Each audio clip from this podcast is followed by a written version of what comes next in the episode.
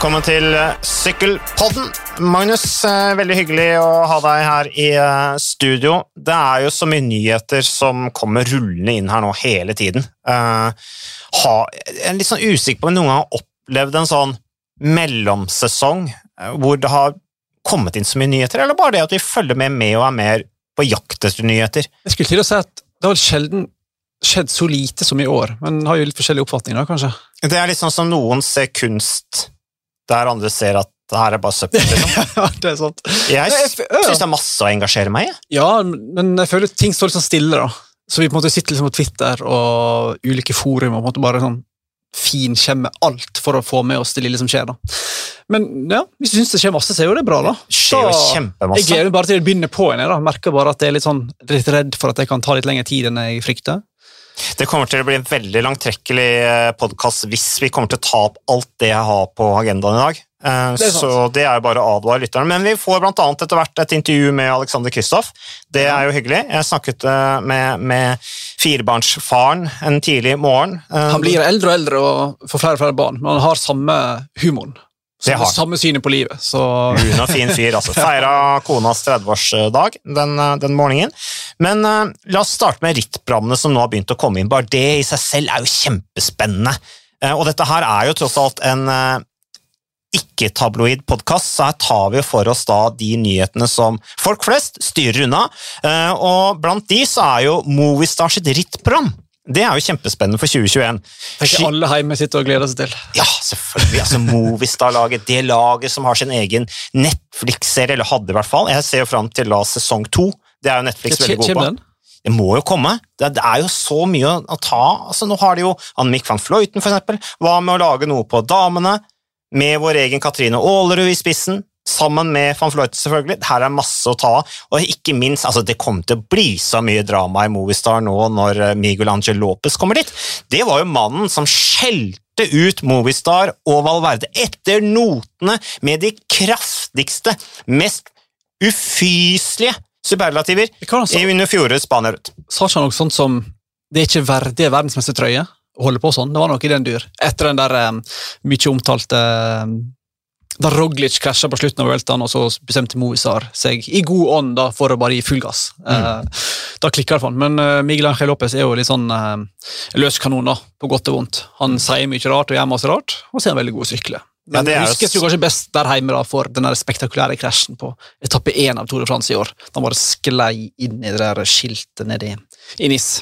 Ja, Det er jo én ting, også når han banket opp han tilskueren på vei Ja, opp disse fjellene i Italia rundt for et par år siden. Ja, Ja. Det var jo um, Hvor han ikke bare slo én gang, men han fortsatte ja, å slå. Liksom. løs! Han hadde plutselig all, han hadde all, plutselig all verdens tid til å banke løs på ja, det stakkars var siste fjelletappen, han kjempa for sammendraget, og stoppa han ikke til å banke over en tilskuer. Så nei, det blir spennende, det. Eh, Mm. hvordan det han og Valverde og co. går i lag. Eh, det kan jo bare gå én vei, tenker jeg. Men eh, de måtte jo gjøre et eller annet, da. Det har vært en Det Netflix-serie, i hvert fall. Ja, det, og de måtte jo forsterke litt etter å ha kvitta seg med Landa og Quintana og leverte en bleik sesong. Så var det på tide å få inn noe nytt blod, tror jeg. Gjorde jeg lurt i. Men de har i hvert fall annonsert da hvem som skal være kapteiner i de ulike tre eh, Grand Tours. eh, og Det blir da Marc Soler som skal være kaptein i Giron. Og så er det Miguel Angel Lopez og Henrik Mass som da skal dele kapteinsansvaret i Tour de France. Det blir jo kjempespennende.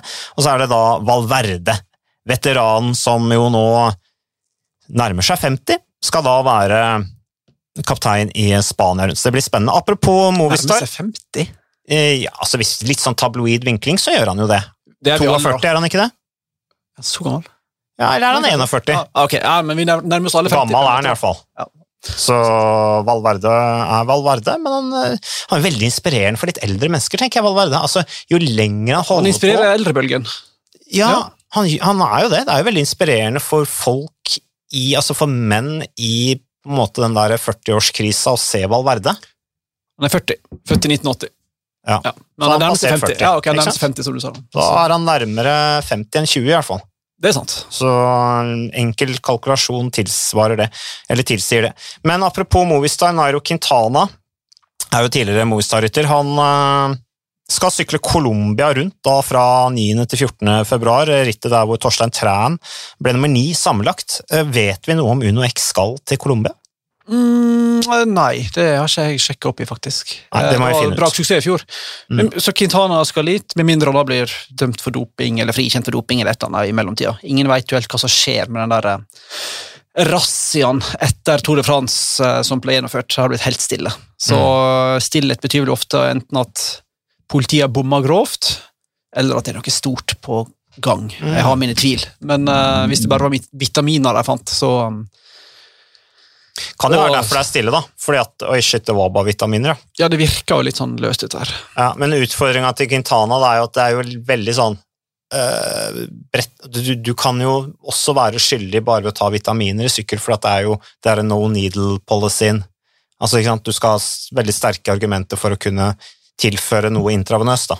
Ja, og her var det snakk om at Han hadde jo krasja stygt flere ganger, jeg husker, og så har han da brukt noen form for var det saltvanns... eh, altså Noen form for injeksjonsvæske da, som skulle helbrede han litt fortere, var vel det som ble sagt. da. Eh, som visstnok er helt innenfor reglementet, men som da politiet kanskje trodde ikke var det. Eh, og så er det noe med mengden her, og hvor, og hvor ofte du gjør det. og sånt da. Men eh, jeg tipper vel at han, som de fleste i sykkelsporten, sklir unna og sykler videre som ingenting har skjedd. Det er vel det vi er vant til. Quintana har i hvert fall akkurat vært igjennom en kneoperasjon og driver og restituerer seg etter det, så det blir spennende å se formen. Jeg så faktisk på sånn, sånn snevert eh, Jeg husker hvilket land det var, et eller annet form for sykkelmagasin, og så var det lista opp liksom de mest hata figurene i, i sykkelsporten gjennom tidene. Og i godt selskap med Lance Armstrong, eh, Mario Cipollini um, Ikke minst um, Hva jeg tenkte på? Ikke Petacchi. Det er jo en del av disse italienerne som ofte har vært litt sånn voldsomme. da. I godt selskap med disse folka her, og Freud Landis, fant du Nairo Quintana. Oh, ja? Så han er visstnok veldig upopulær sånn i, i enkelte deler av sykkelmiljøet. da. Jeg opplever han som en veldig sånn her eh, sånn, Du får ikke et ord ut av han som er interessant. altså Han er jo bare helt sånn fjern og helt sånn diplomatisk i alt han sier. Men han har visst sine det kan hende han har en sånn side som er litt mer mørk enn vi kanskje kjenner. Han var arrangert blant de topp ti mest hata figurene i sykkelsportens historie. så... Var det et fryktelig program Ja, det var, du så på, da? det var en artikkel. Det var, var en merkelig variant, altså. Men um, Og Cipollini var på den lista? Jeg mener han var der. Han var jo både elska og hata, som Mm. mange av disse divaene ofte er. da. Og Landis var der, for jeg husker jeg, og Lance og en del andre. Men Landis var jo egentlig en veldig hyggelig fyr. Jo, men det, du kan være doper og hyggelig fyr. Mm, ja. Men var altså Ja, ja. Nei, Ja, men det blir jo litt sånn rart, det programmet der, da. Ja, Eh, men eh, ja, interessant at du satt og så på det. Da ble du vel ganske mørkt i sinns. Full av hat. Passa mitt uh, sinn ganske bra. Mm, ja. ja, ja. Pogacar skal også ha rittprogrammet sitt klart. 22 år gammel Pogacar. Apropos ung og gammel, men uh, Valverde Pogacar. Men uh, starter da med disse endagssittende Challenge Mallorca i februar. Og Det er første gang han sykler de rittene. De to første årene av proffkarrieren så har han jo startet med Valencia, eller Tour Down Under. Tour Down Under som jo ikke blir noe av, i hvert fall den formen vi har, kjenner det. Men Pogacar, det må vi jo spørre om. Hvis det nå, hvis det blir sånn at UAE blir da vaksinert mot korona i januar Det kom en del sånne artikler på det i går. Um, så Du som er jeg både sportskommentator og, og moralsk eh, fanebærer, er det ok hvis hele UAE blir vaksinert? Altså, Kristo kan fort bli den første nordmann som, som ja, Bystrøm for så vidt, da, eh, og Stake, men, eh, som blir vaksinert fordi angivelig så har da Mauro Gianetti, lageieren til UAE, eh, vært med på en slags sånn der, eh, utvikling av vaksiner, vært en slags prøvekanin. Ja, han liker å prøve Han- sånne han ulike medikamenter. han. Eh, og så har det gått veldig fint, sier han. Og så har han skaffa nok vaksine, sier han, til hele staben og rytterne. Mm. Er det greit, eller er det litt sånn i um, Jeg skjønner eh, på en måte ikke helt altså Mange vært- vil jo mene at, liksom, at uh, folk i risikogruppene og, og og sykepleiere og sånt bør få først, er jo mitt poeng her, da. Jo men jeg tenker jo at det er sikkert et enormt eh, utvalg av vaksiner der ute nå. Ganske mye vaksiner. Noen blir jo eh, da eh, kjøpt opp av ulike nasjoner, noen foretrukne, og så er det sikkert ganske mye som er der ute, som er koronavaksiner, som det kanskje blir store restlagre av. Jeg, vet- jeg vet ikke. Men jeg vil jo tippe at det er et tilbud der ute til det frie markedet også, som man kan, kan kjøpe, uten at jeg tror at det vil skape noe etterspørselstrøbbel for de som virkelig trenger det. Jeg så bare mange i det fantastiske sosiale medier-landskapet var jo litt eh, sure i går, fordi at eh, de mente at eh, en bør ikke prioritere vaksinene til toppidrettsutøvere, unge, friske folk, i stedet for ja, risikogruppen og alt sånt. da. Men Sånn er det med mat òg. Jeg mener, Hvorfor skal vi som allerede har så innmari mye mat, spise mer, når vi kunne fordelt det til andre som trenger det? Det blir jo en veldig stor diskusjon, da. Mm. Men sånn, mer sånn spesifikt, så eh, ja, Det blir jo interessant da, å se om de faktisk vaksinerer hele UAE allerede i januar. Planen er det. Mange vil jo sikkert ha litt innvendinger mot å bli vaksinert. Det er jo ikke, det er jo ikke nødvendigvis fritt for bivirkninger og alt sånt. Men um, med en eh, stefar som er medisiner, så har vel kanskje Kristoff jeg tipper han tar et godt valg der før han eventuelt mottar den vaksinen. Et en informert valg før han tar den vaksinen. Altså, Gianetti han var den første av 30 000 frivillige da, som mottok den der vaksinen som visstnok skal være Sintofarm. Som da Jesus. hele UAE-gjengen skal få da på den januarsamlinga. Jeg snakket jo med Alexander Kristoff, og eh, vi kan jo høre hva Alexander Kristoff sier. Dette var jo da før vi fikk den nyheten om at han skulle vaksineres for Sintofarm, som jo han, kanskje verken han eller jeg visste om. Det, det var en nyhet som da kom før vi spilte inn dette intervjuet. Etter, ja. Etter vi spilte inn intervjuet. Stemmer. Ja. Alexander Kristoff, eh, vi meldte litt eh, i går for å avtale den praten her, og så skrev du at eh, ja, Mats, vi kan snakkes ut på formiddagen. Og det var da klokken ni om morgenen. Er, det en sånn ny tidsregning som dere driver med borte hos deg, eller? Ja, har jo tvillinger, så i dag var de våkna faktisk på femtallet, så er det de pleier å sove i hvert fall til rett sånn syv, men i dag var det litt tidlig, så det passer de formiddagene formiddagen når du står opp litt tidligere. Hvordan er det å være firebarnsfar og satse proffsykling? Går det greit? Ja, nå eh, Jeg har jo kjørt Tour de France og sånn faktisk med, med de, men da var de veldig små, men eh, foreløpig har det jo gått rimelig greit. Men vi får se nå fremover. Det er jo litt travlere, det er det ikke tvil om. Du, eh, vi eh, så nå at Pogasjar Pogacar har, eh, har eh, annonsert at han skal kjøre Challenge Mallorca i eh, februar. Nå blir det jo fort endring på planen, og sånne ting, men det var i hvert fall hva som ble annonsert eh, for kort tid siden. Har du eh, noen nyheter om rittprogrammet ditt? Jeg har ikke hatt noen eh, diskusjoner egentlig angående riksprogram ennå. Jeg tipper egentlig jeg vet det før januar når vi skal ha samling med laget. Men, eh, men eh, ja, eh, jeg tror jeg skal prøve å få starta her i Europa. Minst mulig reising over lengre distanser. Det virker som de, de fleste løpa ut forbi Europa også ikke blir noe av, så da blir det sannsynlig en start i Europa uansett. Og hva er drømmeopplegget ditt? Hva er det du ønsker? Jeg følte meg egentlig ganske bra slag eh, i klass, i mars-april i år, når jeg var hjemme og trente når alt stengte ned. Så jeg syns egentlig det funka bra å starte i Spania og kjøre Algarve i Portugal og de løpa der. eh, Og få med meg klassikeråpningen i Belgia og sånt. Så jeg tenker kanskje å sikte meg inn på noe, noe av det samme i år. Eh, Når det gjelder treningssamlinger, nå er det jo fremdeles eh, pandemitid. Eh, Hvordan endrer det på opplegget ditt i forhold til tidligere år når det gjelder treningssamlinger osv.? Ja, det blir jo vesentlig forandra nå på den tida. I hvert fall vanligvis har jeg alltid en samling med laget nå i desember. Og så pleier jeg å reise til Gran Canaria i romjulen. Nå blir ikke noe av noe av det. på en måte.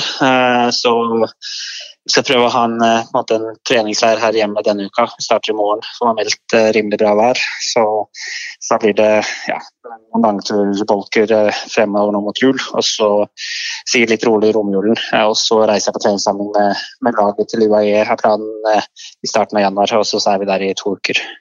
Hvor er dere reiser da, når du reiser på samling med laget? Jeg tror det er Abu Dhabi vi skal til, men jeg vet ikke.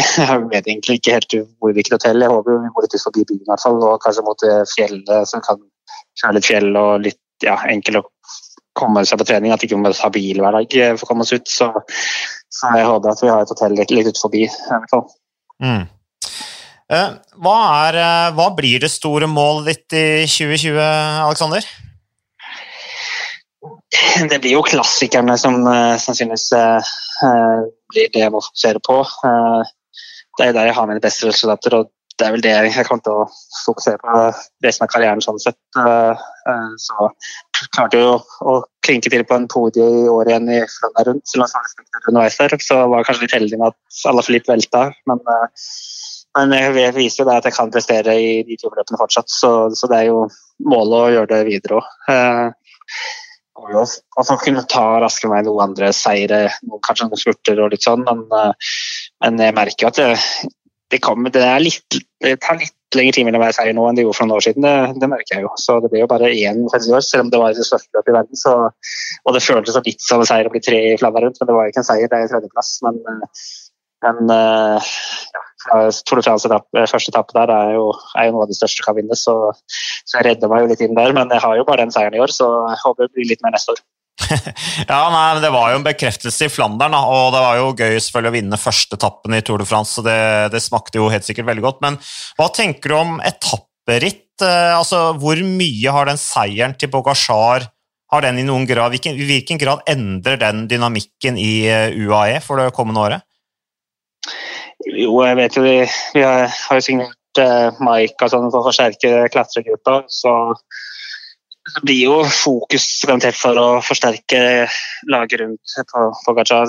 Det, det vil jo være dumt å ikke gjøre det. Eh, Så min rolle i laget blir jo mindre viktig fremover, eh, og klassikerne kan jo sikkert bli litt, eh, litt mindre viktig sånn sett, siden vi har såpass gode sammenlagtrytter for største Grand Tours. Men, men nå kommer jo Trentin inn, så han blir jo veldig styrke for laget inn mot klassikerne. Så jeg føler klassikerlaget neste år med Trentin og meg eh, i spissen sånn sett eh, er jo en vesentlig forsterkning fra i fjor. eh, Eller fra dette året, på en måte. Så, så jeg håper jo og tror at jeg kan eh, bære frukter, at vi har litt mer å, ja, å vise til måte, klassikerne. At vi har flere kort å spille på. og ja, jeg, jeg har tro på det samarbeidet skal fungere bra. for Trentin er jo ganske like rytter, men han er jo normalt sett litt mer kjørestyrke underveis. Og jeg har litt bedre spurt, så jeg tror vi kan utfylle hverandre ganske bra.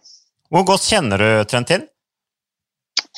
Nei, Jeg har snakket litt med han underveis, og i hvert fall ja, eh, i hvert fall nå etter at hvis han kom til laget, så, så eh, Og så har jeg jo skikkelig løpt mot han i mange år og vet hva han er god for. Så, så ja, jeg, jeg gleder meg til det samarbeidet der, og det, det tror jeg kan bli veldig spennende. Mm. Eh, til slutt, eh, Alex. eh, Cavendish har signert for Quickstep. Hva tenker du om det? Tror du han kommer tilbake? Det var jo en bombe. på en måte, sånn, Jeg hadde aldri heller, jeg hadde ikke trodd det skulle skje, men, men Lefebvre er jo også litt sånn løs kanon, kanskje, så, så det var jo kanskje der det skulle skje hvis det skulle skje noe. Men han har hatt veldig mange dårlige år nå, eh, så jeg føler det skal litt til at han plutselig presterer helt på topp. Men er det et sted han kan få det til, så er det jo der. Så ja, det blir spennende å se. Men uh, du uh, frykter han kanskje ikke like mye som uh, før? Nei, det gjør jeg jo egentlig ikke. Han drar på alderen årene han nå, og er nok ikke like rask og eksplosiv som han var. Så kanskje, kanskje er en bra ting at han, han går inn der, og så jobber de for han, og så blir det litt lettere for oss andre. Det blir spennende å se. Men uh, lykke til med treningssamling og videre oppkjøring til eh, sesongen, Alex. Jo, takk. Det var altså Alexander Kristoff som eh, jo fortalte litt om eh, både det ene og det andre hva gjelder rittprogram, som han sier, og uh, som han ikke helt vet hva er, og at de skal på samling i Abu Dhabi, så høres ikke ut som han gleder seg så veldig til det. uh, og uh, at han må gjøre noen endringer, skal ha samling da nede på Rogalandskysten, sikkert med en del av disse Coop-gutta. Ellers så Jeg syns Alexander Kristoff, det er noe jeg tenkte på når jeg snakka med han. Det var det derre Han fremstår som så enormt ydmyk, Alexander Kristoff. Altså han, han, han er jo en, en vinn, han har en sånn aura av vinnertype over seg, men bare hør hva han liksom sier om Ja, jeg ble jo Det blir lenger og lenger mellom seierne mine. Heldigvis vant jeg denne etappen i, i Tour de France. Uh, han snakker om uh, Flandern rundt, liksom litt at det redda, redda han på en måte, fikk den tredjeplassen. Og det er, jo ikke, det er jo ikke en seier, men det føltes som en seier. Jeg var heldig Uh, Jeg var kanskje litt heldig med at Al Philip velta. Det, det, det er helt sånn der, han, han, han, er, han er veldig ydmyk, han ser liksom hele bildet. Eh, det er noe som jeg eh, legger veldig merke til med Alexander Kristoff, det at han er utrolig ydmyk, altså. Det er helt nydelig, da. Endelig en utøver som bare liksom svarer på det du faktisk lurer på, og som ikke har liksom programmert et svar før eh, du allerede begynner å spørre. Som vi opplever daglig med det være seg utøvere av forskjellige grener, idrettsledere, ikke minst. Du ble bedt om å evaluere en rekke ulike norske særforbund og norsk idrettsledelse forrige uke. I en sånn årlig variant. og Da spør jeg ofte om hva vi har å utsette på det. og jeg sier jo i år var jeg ganske snill. Jeg syns jeg gjør masse bra både i det være seg NIF eller Olympiatoppen eller Antidoping eller Sykkelforbundet eller Fotballforbundet. Eller. Men det er på en måte ankepunktet mitt, og jeg tror jeg veldig mange drar, er jo liksom at en, jeg skulle ønske folk var flinkere til å svare på det du faktisk spurte om, istedenfor bare å komme med sånn herre lefse med ord som de har lyst til å si, men som jeg ikke har lyst til å høre. Ah. Så Der er Alex Kristoff uh, uh, en av få som faktisk hører på det du spør om, og så svarer han helt ærlig. Ja. Så det er ganske få av sånne som han. Så det eh, er vi to om. Setter pris på. Det blir spennende å se Det blir spennende å se på dette samarbeidet med Trentin som han jo snakker om. Det hadde han opplagt veldig troa på. Så er det jo Jeg syns det er litt morsomt dette han, han sier om, om Cavendish. da. Ja, det er, jo en fin bru over på Cavendish, den store nyheten denne veka. Ja, for det må vi snakke om. Som har skaffa seg da en samarbeidssponsor som betaler lønnen hans mens han sykler for The Cunning Quickstep i det var det ettårskontrakt. Um, ja uh, Alexander Kristoff beskriver det som ei bombe. Um, det har vært litt sånn rykte om det siste tida. Um, men jeg, eh, for helt ærlig, så er vel jeg er vel en av de litt mer skeptiske der. Jeg vet ikke helt... Det er du alltid, Magnus. Ja, du er jo alltid skeptisk. Men, men, eh, jeg vet ikke helt hva han Han kan selvfølgelig fungere som en slags uh, en guide, en læremester til Hodge, Jacobsen, Bennett og co. Ja, men, men Lefebvre sier jo det. Han sier jo om Cavendish at Cavendish er definitivt ingen trener. Han, er ingen, han er ingen på en måte sportsdirektør-type. Han skal være rytter. 100%. Han skal, ja, han, han skal være, men jeg, jeg, tror, jeg tror han har litt ja, Kanskje at han har evner til å guide de yngre. Det, ja, det sier vel også for så vidt Lefebvre, da, at han kan bidra på det. Uh, men, men, jeg tenker jo at uh, det skal jo litt til å, å Ja, ja, han er en fantastisk rytter. Han har 17 sesonger som proff, 146 seire siden han debuterte i proffsirkus i Team Sparkasse i 2005. Jo, Han har altså ikke vunnet sykkelritt siden Dubai 2018, 2018 ja. tidlig 2018. Men det er jo i og for seg ikke en så dum signering når du tenker på at det er helt risikofritt. da. Så lenge det kunne Quickstep uh, ikke trenger å bruke én krone på det, om det går i dass, som de siste sesongene har gjort, så er jo ikke det nødvendigvis et stort problem. I, I, og med at de ikke taper noe penger på det, og han får jo ikke som Lefebvre sier, at han kommer ikke til å få klippekort av store ritter, for selv om han er et stort navn. Det er det beste rytterne skal sykle der. Mm. Så går det, så er det fint. Hvis det ikke går, så er det heller ikke noe stor uh, krise. da. Men uh, Lefebvre var vel en av mange som følte at en sånn legende, en sånn mester, fortjener en litt mer verdig avskjed enn å bare bli stående igjen uten kontrakt og legge opp litt sånn fordi han må. Uh, men jeg er veldig Det tror jeg sikkert er ganske enig for en gangs skyld. Jeg er veldig skeptisk på om han kommer tilbake på det nivået vi har kjent han fra før. Det gjør han ikke. Han har sagt nå i så mange år at han er på riktig vei. Mm. I Barain McLaren i fjor kom jo Rod Ellingworth inn, hans gamle læremester. Begge to var veldig sånn det er fullt mulig. Vi skal mm. få den tilbake der. Var ikke i nærheten. Uh, jeg så, tror Bahrain er noe annet. Altså. Uansett hvor mye Ellingworth var der. Vi kan komme tilbake til det for øvrig, det med Ellingworth, at han jo har forlatt Bahrain og bare et ett års samarbeid. Men, men, uh, men uh, Quickstep, da, for å kalle det det, uh, det er De har jo De løfta jo Kittel etter at han hadde på en måte litt nedadgående trend. Løfta Kittel seg sjøl. Ja, om det var laget sånn, eller om det var han, det kan man sikkert diskutere. Men jeg tror laget har ganske mye å si. Gilbert kom inn i Quickstep og fikk også et løft. Eh, så, eh, og Lefebvre sier jo det, hvis jeg klarer å løfte Cavendish også, da er jeg jo mirakelmannen, sier han jo ganske ærlig, da. Men bare litt, du er inne på dette at Cavendish kommer inn i Quickstep, han har med seg sine egne sponsorer som betaler lønna hans, da, så det er jo ikke all verdens risiko. Specialized eller Oakley eller et eller annet sånt som da det kan være. Hoste opp litt uh, penger, vil jeg tippe. Ja, Han har jo opplevd veldig taket på næringslivet, tror jeg. Cavendish. Han har jo veldig sånn type som folk vil assosiere seg med, og uh, dette med vinnerskallen hans, og sikkert flink med å snakke til folk og sånne ting. Men altså, han har, han, han har jo over 600 000 følgere på Instagram, for eksempel. Bare det i seg selv har jo en stor markedsverdi. Ja, dessverre er vi der. At, mm. det, at, det, at sosiale mediefølgere faktisk uh, påvirker hvem sykkellag ansetter. Det ser vi jo både i damesykling og herresykling. Uh, uten at det, det, gleder mitt store hjerte. Men um, Han bringer mye oppmerksomhet rundt sponsorene. eller rundt sponsorene. Så Hvis Specialized har lyst til å assosieres med han, noe de aller fleste har lyst til, så gir det absolutt mening mm. å få det der til. da. Uh, men det er jo et annet spørsmål. Burde Hvis du tar litt større, da. Cavendish har lyst på en verdig avskjed fra sykkelsporten. Han føler ikke han har fått det siste året med Dimension Data og bare McLaren. Burde idrettsutøvere gi seg på topp, etter din mening? Eller burde de holde på så lenge de kan?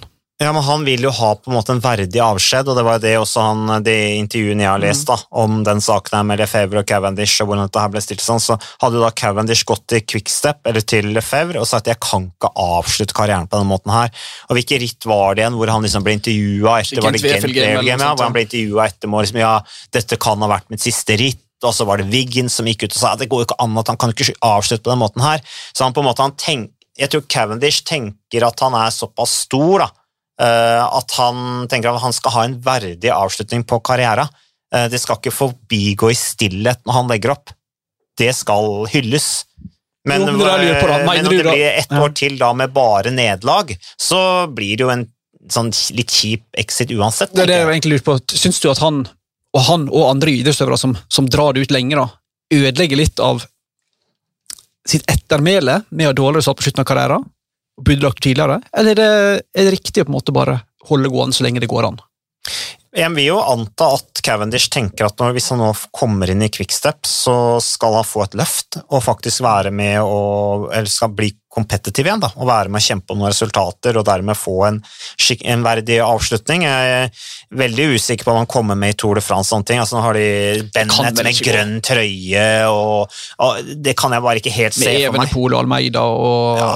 altså Det Der får han ikke noe plass, altså. kan ikke gå. Uh, han har jo disse 30 etappeseierne i Tour de France, Mer- Merckx har sine 34, men altså det, det, han kommer ikke til å nå det målet der, dessverre. Uh, han har for øvrig vunnet 30% av disse seierne sine, har han, vant han jo i de årene han var i Omega Pharma Quickstep. Så, men eh, får han én, så tenker jeg da er det en stor seier for han. Eh, I hvert fall i forhold til hvis vi skal sammenligne det med årets sesong i Bahrain McLaren, som jo var fullstendig mislykka. For å være helt ærlig. Ja, ja. Det var jo ingenting som fungerte. Nei, Han var stort sett opptrekker for Bauhaus, og sånt, og så hadde han en lei tendens til å når han skulle sp- spurte sjøl, bare sette seg opp med 200-300 meter igjen og bare trille over mål. Så det er jo et eller annet fysisk som ikke helt stemmer her. Men eh, ja. Vi skal jo teste han da, eh, nå på samlingen eh, til The Cunning Quickstep, og det blir jo da spennende, som Lefebvre også sier, manageren i The Cunning Quickstep, at det blir spennende å se på testresultatene hans nå, sammenlignet med hva han var Ja, på når han var hos oss. Jeg så det, og det kan jo bli en dyster lesning, tenker jeg. da. Mm. Vi så på toppen av karrieren, og så første du skal gjøre, er å teste deg for å sammenligne med det du gjorde fem år siden, når du var frisk. Ja, men jeg liker den måten å tenke Ja da, på. det er jo en altså, der har du systematikk, da, Ja da. som i hvert fall da blir ut, den, den, da får du et ærlig svar på hvor du står, og så er det da å se om du er en, motivert for å gjøre den jobben, eh, og om du har kapasitet til å, å, å gjøre det, om man klarer å sette i stand en skikkelig treningsplan og rittplan som gjør at du kan komme deg opp på lignende nivåer igjen. Det blir jo veldig spennende å se, og da må de jo teste og evaluere underveis i forhold til den eh, prosessen. Det skal bli veldig spennende å se. Men eh, apropos, eh, apropos altså Mikael Krikowski, en annen tidligere kvikkstep-rytter, han har forlenget med tre nye år i eh, Ineos, Grenadiers, som det jo heter. Det er vel ikke noe stor overraskelse. Det er mange som eh, mener at Krikowski burde gått til et annet lag og prøvd på en måte å dyrke eneren i seg, som en gang var der. Eh, minner meg om Andreas Kløden. Åpenbart fantastisk rytter, som kunne fått bedre resultat hvis han hadde gått for kapteinsrolle i andre lag. Mm. Kløden var jo, sånn som jeg oppfatter det iallfall, uh, veldig så opptatt av, pengene sine, og at det var nesten mer innbringende for han å sykle hjelperytter for det være seg Vinokorov eller Jan Ulrich, istedenfor å ta den kapteinsrollen i andre lag. mm. Kevnish apropos, var vel en som sa at Kløden var vel mer interessert i penger enn å sykle. Uh, jeg sier ikke at Kwiatkowski nødvendigvis er det, men det er alltid litt så, jeg skjønner at fansen syns det er litt sånn kjipt når du har det vanvittige potensialet du har, og så slår det på en måte til ro da, i hermetegn, med en hjelperytterrolle. Men når det er sagt, så vinner jo han mange store ritt. da. Han vinner jo mange ritt i Sky og Ineos òg, selv om han ikke sykler kaptein i de aller største rittene. Han vinner jo endagsklassikere, han vinner jo Trenno Adriatico, han vinner jo store ritt, selv om han ikke er kaptein i Tour de France nødvendigvis. Altså, han ble fire i VM, da. Ja. Han ble seks i det der, er eh, sånn La han- Flèche Brabanson, han ble seks i La Flèche Wallonne, han ble ti i Liège Så han er jo der oppe og lukter. ja, og han er får jo jo fri rolle også. Det er akkurat det. Så det, det, det er ikke nødvendigvis helt sammenlignbart med Kløden. Men eh, jeg skjønner de som digger Kwiatkowski. Det er ganske mange som gjør det. Jeg skjønner frustrasjonen der med at han ikke bare um, går til på Ryan McLaren da, og sykler kaptein hele året. Og kunne vunnet vanvittig mange ritt. Ja, men det er noen som trives òg, da. Fantastisk allsidig utøver. da. Ja, men jeg, jeg tror Kwiatkowski trives, jeg. Jeg tror han har sånn sosialt Ja, sett, så tror jeg han trives Ja, veldig bra. Han får sikkert mye bedre betalt enn det han kan få noe annet sted, og han får frihet i de rittene hvor han faktisk har mulighet til å vinne, og som kanskje er de rittene som uansett ville vært høyt oppe på radaren hans. uansett hvilken han- Har han egentlig potensial til å vinne Tour de France? Litt Det- usikker. Jeg tror i alle fall podiet. Når han var debutert vel med en 11.-plass når han var Jeg husker ikke hvor ung han var jeg, i, i Omega Pharma i 2012? Nei. Mm. Han ble ti eller ni. Ja, eller noe ti eller noe Ja. Så at han har et potensial til å havne på pallen der hvis han gikk for det, det tror jeg absolutt. Vanvittig ja. allsidig rytter på det være seg lange bakker, tempo, Mm. spurter fra smågrupper, klassikere. Han kan egentlig alt, da. Verdensmester i 2014 i Ponferrada. Starta karrieren i Caia Rural, dette Pro Conti-laget, eller nå er det vel ikke. Pro Conti lenger, det heter, det heter Pro Team. Pro Team. Han og broren var vel der. Ja, i 2010, før han gikk til Radio Shack, da, også Omega Pharma Quickstep, og så fra 2016 så var det Team Sky, så han fortsetter å avslutte vel da karrieren i det britiske storlaget. Ellers, eh, vi snakket, vi har vært veldig opptatt av colombianere i det siste, Magnus. Ja, du i hvert fall. Ja, vi er veldig opptatt av colombianere. Altså, Colombiansk sykkelsport er veldig på vei opp. Ja, Uh, og nå er det jo enda en ny colombianer som er på vei til EF Education. Og det har vi snakket om, dette samarbeidet med colombianske stat og EF Education i forhold til å utvikle unge colombianere osv. Daniel Camargo, 22 år gammel, han blir lagkamerat med da Rigoberto Uran, Sergio Higita og Daniel Arojave i EF Education.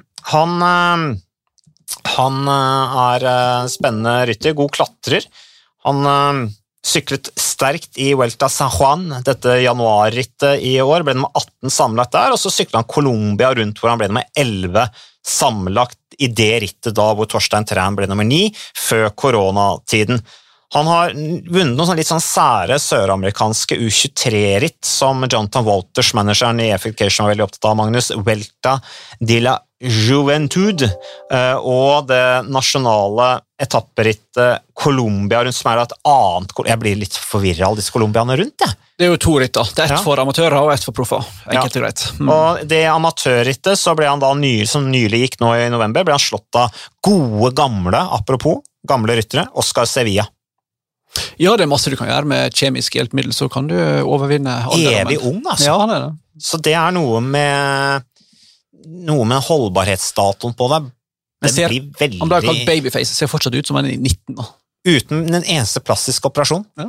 Så det er imponerende av Oscar Sevilla. Så han, han, han tror jeg kunne gjort det veldig stort med type sponsorer som driver med type sånn uh, bli ung-produkter. Vitapro. Kremer, for eksempel. Vitapro. Vitapro, godt innspill. Ring til Oscar Sevilla. Der får, altså, evig ung, altså. Der har dere mannen.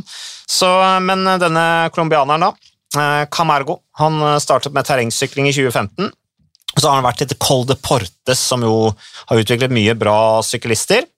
Og eh, han blir da altså den 19. colombianeren i worldtouren i eh, 2022. Jeg så litt på antall colombianere i worldtouren. Altså, I 2011 så var det to colombianere i worldtouren. Så vokste det til 18 i år, og da blir det pluss 1 neste år. 19 colombianere i worldtouren. Spennende. Ja, det gjør voldsom, eh, voldsomt inntrykk, men det er jo litt, det er jo litt sånn vinn eller forsvinn på disse colombianerne, merker jeg. Mange av dem får jo muligheten, sånn som nå, Camargo, Arro, Arroyave og andre får jo muligheten fordi de ser at Oi, colombianerne er jo dødsgode, la oss bare hente inn et par lovende. Men for alle Uran og Quintana og Chávez så har du òg Hernando Bohorques, Fabio Duarte, eh, hva heter han eh, i eh, Rodrigo Contreras altså Det er veldig mange som feiler totalt. da, da. Eh, så blir, jeg føler ofte med disse at det er litt sånn enten-eller. Enten er du kjempegod, eller så funker det bare ikke. Og så drar du tilbake igjen, og så sykler du på et kontinentallag i Colombia noen år, og så legger du opp. Egan Bernal kommer vant Tour de France. Ja. Ser han aldri igjen. Han kommer nok tilbake. Han kommer nok Han tilbake. tilbake. Han kommer nok tilbake. Men uh, apropos uh, signeringer, uh, Quebeca Assos, eh, gamle NTT, de driver da fyller opp stallen. Sergio Henao skal til Quebec Quebeca Assos eh, fra UAE, 32 år gammel er eh, Henao blitt, som jo eh, vant Paris-Nice i 2017. Ble nummer 15 i årets Spania rundt, så han har fremdeles trøkk i beina. Andreplass fra La Fresh Ballon i 2013. Han har jo syklet for Sky og UAE. Og eh, Det blir spennende å se hva han kan få til da i uh, Quebec Assos. Uh, Lars Michaelsen, sportsdirektøren i, uh, i Quebec Assos, han sier til feltet.dk at han er svært begeistret for signeringen. Er, deler du hans begeistring? Han må vel si det, da. Ja. Har tatt seg ut hvis noen altså, sa noe annet. Eh, nei, bare, Du ser jo litt konsekvensene av å, å få sponsor på plass seint, når du henter ja, den NAO eller Aro eller uh, Sander Armé, altså gamle mm. gutter som ikke akkurat har sine beste år foran seg. da. Uh, men klart, hvis når desperate tider krever desperate løsninger, uh, og sånn blir det jo når du først får plass sponsor i siste liten. Da må du ta det som er igjen. da. Så jeg skjønner jo at det blir sånn, men det er vel ingen som sitter mot å frykte det laget neste år. Men det viktigste der var kanskje bare å sørge for at du har et lag, mer enn at det er sånn knallsterkt. For det er jo ikke alle signeringene der som er like eh, Lasse Normann Hansen har de henta. Dansken ja. som eh, kommer fra Alpezin Phoenix, er en del av dette råsterke banelaget til Danmark som satser på OL-gull i Tokyo i 2022. Eh, um, han har jo gull fra Omnium, faktisk, helt tilbake i London uh, i 2012, Lasse Normann Hansen. Bra rytter, burde ha fart i beina etter å ha vært med på den satsinga på bane til det danske landslaget. Så virker det som om Nizzolo har bedt om Matteo Pellucchi mm. inn. Nok en italiensk spurter i stilen Maresco, eh, Petaki sånn som ikke kan klatre. Mm. Husker når Båre båret hans skro et par år der. Det var ganske tunge saker.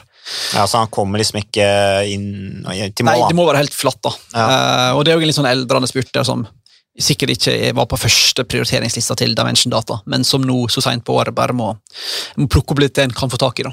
Mm. Lasse Normann Hansen kunne vært en god opptrekker òg, da.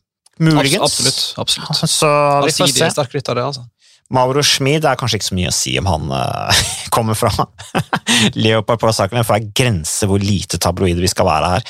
Um, men de har, uh, rett før vi satte oss ned for å lage den podkasten, Magnus, så uh, hadde de 25 ryttere under kontrakt da, og Assos. Det er minimum 27 som eh, er World Tour, så de må ha en to rytter til. Visstnok. Ja. De to siste. Så da er de fullbooka. Hvem kan det være? Nei, fins det noen sånne avleggs italienske spurtere sånn?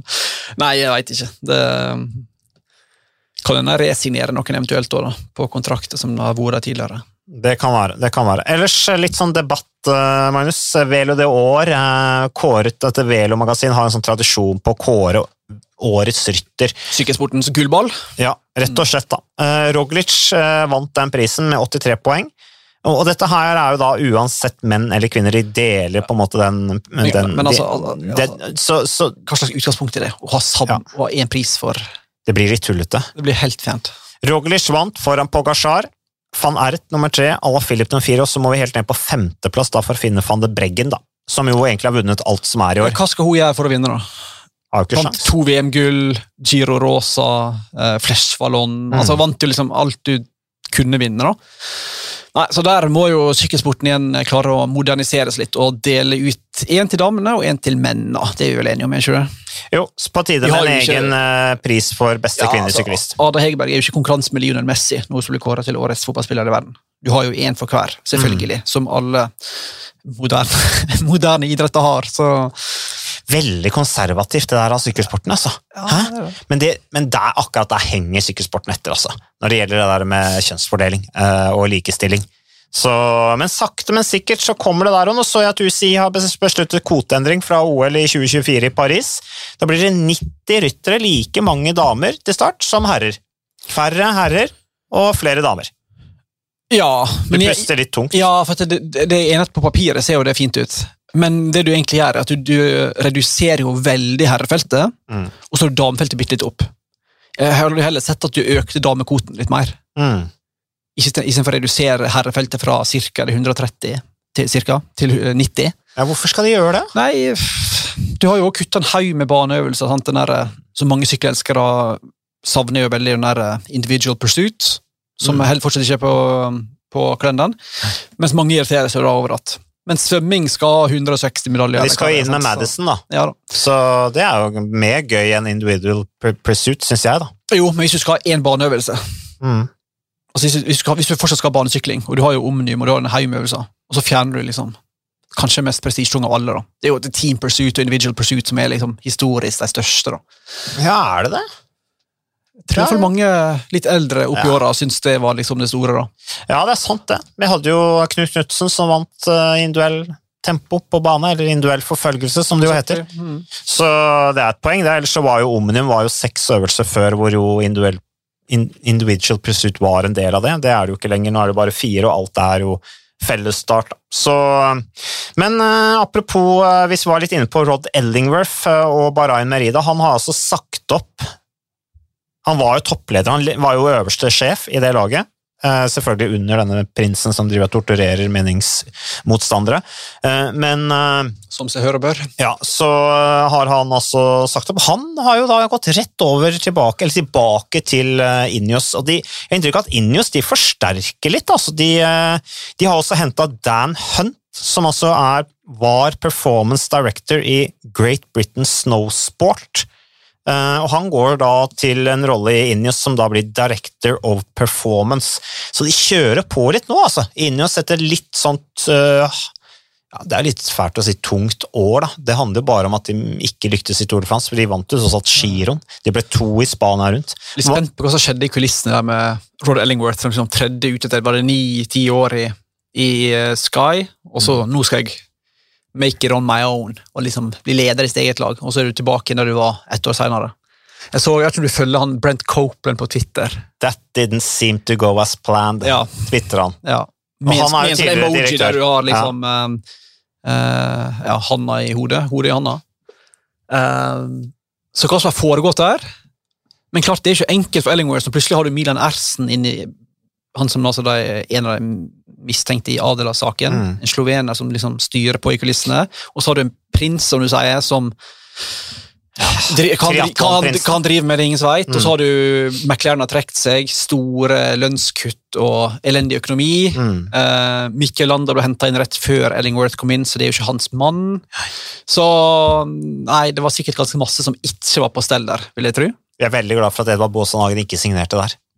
Ja, det, det, det er et godt poeng. Mm.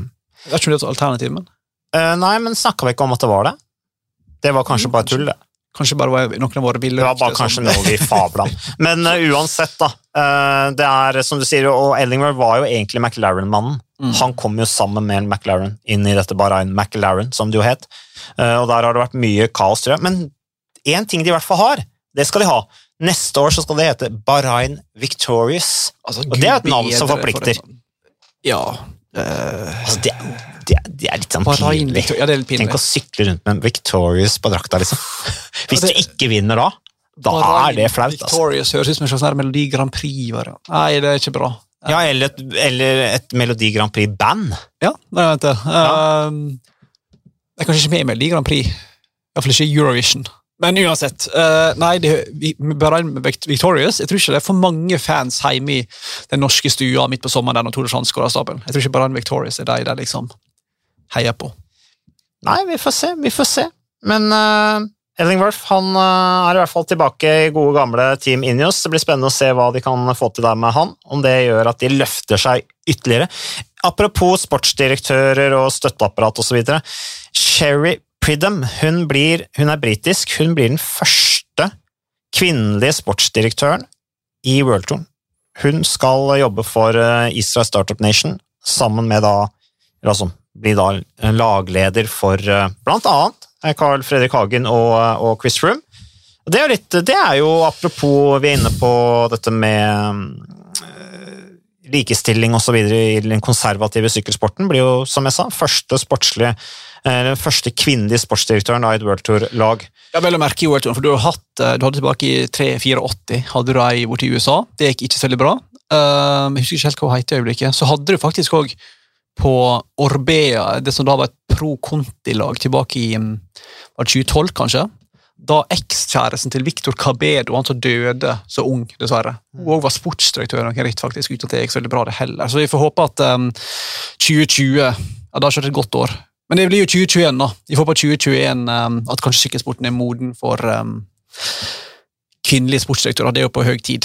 Vi ser jo uh, til og med kvinnelige fotballdommere, og um, hvis fotball kan, så må jo sykkel også kunne klare å få inn litt mer likestilling. Ja da, men det er kult det da, at Israel Startup Nation går litt foran. Hun, eh, Apropos altså, eh, Bridham, hun er jo ikke helt ny for sykkelsporten. I 2011 så var hun første kvinnelige sportsdirektøren eh, i da Team Rally, dette britiske eh, laget, som dessverre er lagt ned. Hun var både manager og sportsdirektør, og senest tok hun faktisk over eierskapet av eh, laget. Og hun har også jobbet som sportslig leder for britiske banesyklister og vært med og ta, eller vært med som en del av støtteapparatet bak tre VM-medaljer på bane. Så hun er tidligere sykkelrytter, selv også, eh, men ble hardt skadet etter å ha blitt kjørt ned av en bilist på trening i 2006. Så det er altså historien til eh, Sherry Pridham, som eh, skal jobbe i da Israel Startup Nation. Jeg har jo sånn ti sportsdirektører i Israel. da. Mm. Helt vanvittig mange sportsdirektører. Men det er bra. du får ja, Vi skal slå inn i oss. Ja, om å gjøre flest mulig. Ja, så de må jo ruste opp. Blitt voldsomt støtteapparat. Det blir kjempebra. Sunweb trekker seg som sponsor. Eh, det er jo et reiselivsselskap, så det, vi venta egentlig bare på at det skulle skje. Vi, det som har overraska meg med Sunweb, og hvordan de har gjort det, de har gjort det ekstremt profesjonelt den der eh, overgangen nå når eh, da nederlandske, dette nederlandske kjemikalieselskapet Royal Dutch Chemical Company tar over som sponsor for eh, Sunweb. Vi har ikke fått noen signaler om at det skulle skje, og så plutselig så bare skjer det. Sunweb Vi har vært mye spekulasjoner når koronaen kom, og reiselivsnæringen var jo den som lå mest nede med brukket rygg. Så fortsatte de bare å signere ryttere og forlenge. Så sto økonomien i Sunweb eh, kjempebra til, og det var null problem. Det viser seg jo bare tull, tydeligvis, eh, når de trekker seg nå i på ny sponsor. Ja, men, For det var ikke eh, måte på at forsikringen fikk fra Vi, vi tenkte på det med en gang at hvis det er ett selskap som sliter nå, i koronaåret, så er det fort Sunweb. Mm. Men det, det var helt uproblematisk, for vi hadde så mange midlertidig ansatte, og det var liksom ikke noen store kostnader som påløp i 2020. Da. Men ja, ny sponsor inn, men det blir jo det samme laget, så det er jo ikke den store Nei, det er ikke Nei, noe stor greie. Det ser ganske like ut bare litt uh, fargenyanser, forskjeller på drakten. Mm. Vi skal ikke ta den diskusjonen om hvordan drakta så ut. Den så helt grei ut, den synes ja. jeg. Det blir spennende å se Andreas Leknesund da i den nye drakta, men bare sånn for dere da som forventer å se Andreas Leknesund i Sunweb-drakt, så blir det da altså i uh, DCC, hvis vi skal forkorte Ikke Team DSM, da? DSM var det, ja. Dutch Chemical Company, Royal Dutch Chemical Company heter det jo da som jo er uh, veldig opptatt av uh, kultur. Uh, og dette er at De mener at et samarbeid med sponsor med sykkellaget det assosierer mot og omsorg og samarbeid. Så det er bra. Jeg vet ikke, Magnus, eh, er det noe mer vi burde ta opp da? Jeg har fremdeles som punkter men jeg tenker at nå begynner du å bli litt trøtt. Jeg har 35 minutter igjen for å rekke en sånn kiropraktortime. Oh, ja, så jeg tror iallfall jeg må springe. Ja. Eh, jeg har ikke så veldig mye mer å komme med heller. Nei, eh, men Det er fordi at du er lei av sitt. Vi har jo snakka godt og lenge om det meste som rører seg. Ja, vi har det. Vi har, har fått det, altså. en grei update her nå. Ja. Og Hyggelig å høre fra Alexander Kristoff, som tar seg tid på Var det konas 30-årsdag du sa? Ja, stemmer det. Med fire unger i huset og, og mm. snakke med Gjester Sykkelpodden. Så det er, noe, det er sporty. Så, Prioritering kalles det. Håper vi ser den igjen på veien i februar, sannsynligvis. da. Det gjør vi. det gjør vi. Takk for at du lytter på Sykkelpodden. Vi er uh, tilbake med mer en eller annen gang.